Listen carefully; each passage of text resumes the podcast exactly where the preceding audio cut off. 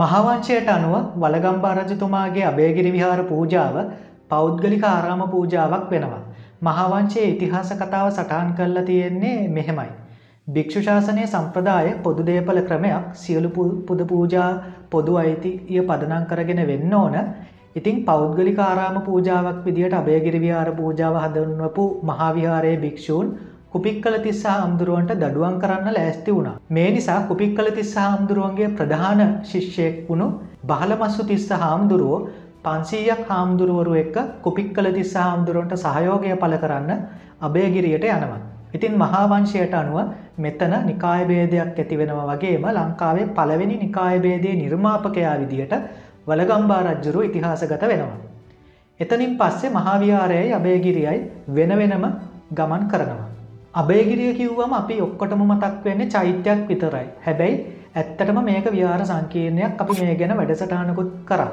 චීන ජාතික පායන් ආමුදුරුවන්ගේ දේශාටන වාර්තාවල තියෙනවා දේශය විදේශය භික්‍ෂූන් වහන්සේලා පන්දාහක් මේක නේවාසිකව හිටියාය කියලා. එතකොට මේවා පිරිසිදු කරන්න එතකොට අස්පස් කරන්න මේ පිරිස ඔක්කොම ගත්තම පන්දාක් හයදාක් විතර මේ භූමිය ගැවසෙන්න ඇති. අද අපි අනුරාධපුරේ ගියාම දකින බිසෝකොටුව කුට්ටම් පොකුණ රත්න ප්‍රාසාදය එතකොට ඔය පළවෙනි සමාධි බුද්ධ ප්‍රතිමාව දෙවනි සමාධි බුද්ධ ප්‍රතිමාව තුන්වැනි සමාධි බුද්ධ ප්‍රතිමාව දානශාලාව ආවාසගෙවල් මේ ඔක්කෝම ලංකාරාමය තුළ හැම දෙයක්ම අබේගිරි ආරාම සංකීනයට තමයි අයිති වෙන්නේ. ඉතින් මේ හැම දෙයක්ම පීටලා තියෙන්නේ අබේගිරි විහාර භූමිය ඉතින් ඒ කාලේ මේ සංකීර්ණය කොච්චර විශාල විදියට තියෙන්නේ ඇතිද. ඉතින් මේ වගේ ලොකු නිර්මාණයක් කරන්න මේ මහා බ්‍රහ්මයා ලෝකය මවපුවයකට කරන්න බෑ අඩුම තරමය අවුරුදු දහයක්වත් යන්න ඇති මේක සම්පූර්ණ නිර්මාණයක් විදියට එන්න. ඉතින් මේ වගේ විශාල ව්‍යාපෘතියක් ඉදිවෙන කොටම මහාවිහාරයේ හාමුදුරුවරුට විරුද්ධ වෙන්න තිබ උන්වහන්සේ ලැස්පියාගෙන දෙහිටිය. අපි වුණත් අහල පහල ගෙදරකට අලුතෙන් කට්ටයක් පදිංචියටනකොට චුට්ටක් හොයල බලනවන එයාලගේ පවුල් පසුබිම කවුද දන්න නැහැන ඇත්තටම ඉතින් මහාවිහාරය හාමුදුරුවරු මේ ගැන හොයල බැලුවේ නැද්ද? කාටද හදන්නේ? කාගේ අදසද්ද කියලා. මේක හදනකොට ඒ හාමුදුරුවරුන්ට මේක නවත්තන්න තිබ්බ. හෙම කරෙත් නෑ. කොපික් කල තිස් හාමුදුරුවන්ට මේක පූජා කරනකොට යම් උත්සවයක් ගන්න නැතින. එතන්දිත් ඕක නවත්තන්න තිබ්බනේ. හැබැයි එහෙම කරෙත් නෑ. කුපික් කල තිස් හාමුදුරුවන්ට පූජා කරලා ඉවරු නාම තමයි මේකට විරුද්ධ වෙන්නේ. අනිත් එක තමයි මේක පුද්ගලිකාරාම පූජාවක් ද කියන ප්‍රශ්නාර්ථය. දැන් ගෙදරකට හාමුදුරුවරු හත් නමක් වඩම්වලා දානයක් දුන්නොත් ඒකෙන් අදහස් වෙන්නේ මේ දානය දෙන්න ඒ හාමුදුරුවරු හත් නමට විතරයි කියලේ. ඒකෙන් අදස් වෙන්නේ අතීතයේ වැඩහිටපු හාමුදුරුවරුන්ට වර්තමානය වැඩින්න හාමුදුරුවරුන්ට සහ අනාගතය පහළවීමට නියමිත හාමුදුරුවරුන්ට කියන මේ හාමුදුරුවරු තුන් කොට්ටාශයටම ලංකා වෙන මේ මුළුමහත් ලෝකයේම ඉන්න හාමුදුරුවරුන්ට මේ පූජාව පූජා වේවා කියලා. ඉතින් මහානාම හාමුදුරුවන්ගේ කරුණුවට අනුව එහෙනම් සාංගික දානයක් පුද්ගලික පූජාවක් වෙන්න ඕන.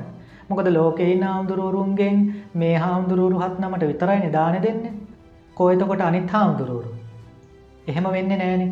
ඒ නිසා මේක පුද්ගලිකාරාම පූජාවක් වෙන්න බෑ. අබේගිරිය පූජාව කියන්නේ පොදු පූජාවක්. ඒ නිසා ලෝකන හැම භික්ෂුවකටම අබේගිරිය අයිති.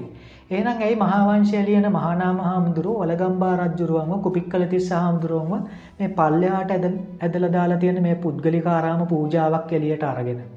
ඒ මහාවංශය ලියන මහානාම හාමුදුරුව මහාවිහාරය හාමුදුරු නමක් නිසා. අබේගිරියේ ස්වාධීන ආයතනයක දකින්න පුළුවන් හැම ලක්ෂණයක්ම ඒ කාලෙ තිබ්බ එක පූර්ණ විශ්වවිද්‍යාලයක් බවට පත්වනවා. මහාවිහාරයට වඩා සැපපාසුකම් මතින් ගොඩක් කියල ඒ වගේම ස්තරම්. අද කාලය ඇටියට ගත්තොත් TVAC පිහිනුම් තටාක මේ වගේ තියන හෝටලයක් වගේ වෙන්න පුළුවන් ඉතින් වෙනත් රටවල හාමුදුරුවරුත් ලංකාවට වැඩම කරාම වැඩම කරේ අබේගිරියට. මහාවිහාරයට වඩා අබේගිරිය ජනප්‍රිය වෙන්න ගත්තා. මහාවිහාරය ජනප්‍රියභාවයෙන් අඩුවෙන්න ගත්ත ඒ නිසා මහාවිහාරය හාමුදුරුවරු අබේගිරියත් එක්ක යම් ඒෂ්‍යාවකින් පෙළුණම්. ඒ නිසා මහානාමහාමුදුරු ඒ ඒෂ්‍යා පදනක් කරගෙන වලගම්බාරජ්ජුරුවන්ව මහාවංශයෙන් පුළුවන් තරම් පල්ලයාට දාන්න කටයුතු කරා කියලා ඉතිහාසඥයන් විශ්වාස කරනවා.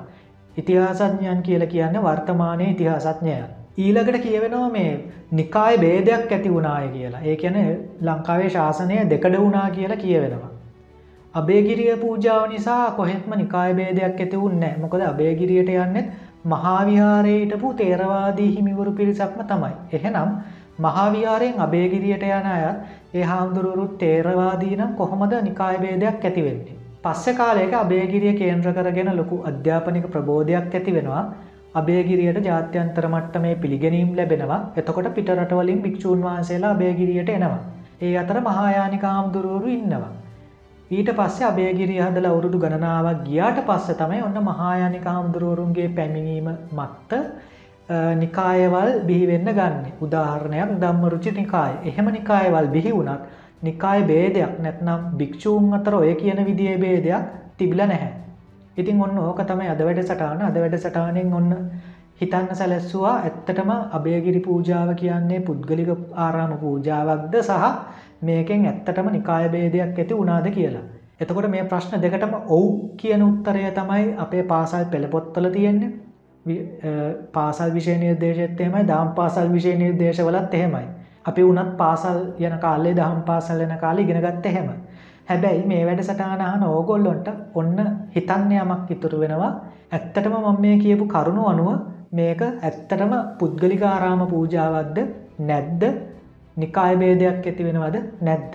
එහෙනම් අදට වැඩ සටහන ඔච්චරයි හැමදෑම කියනවාගේ ලයික් කරන්න කමෙන්ට් කරන්න ෂයා කරන්න සබස්ක්‍රයිබ් කරන්න ඒ හතරම මට වැදගත් අපට වැදගත් මේ වැඩසටානේ ගුණාත්මක භාවය ගැන ටක්සේරුවක් ගන්නසා ඒක ඉදිරියට පවත්වාගෙන යන්න ඒ වගේම ඉදිරි වැඩකටයුතු සාර්ථකව කරන්න ඒ අපිට විශාල ශක්තියක් වෙනවා. එහෙනම් අදට ඔච්චරයි සුබදවසක්.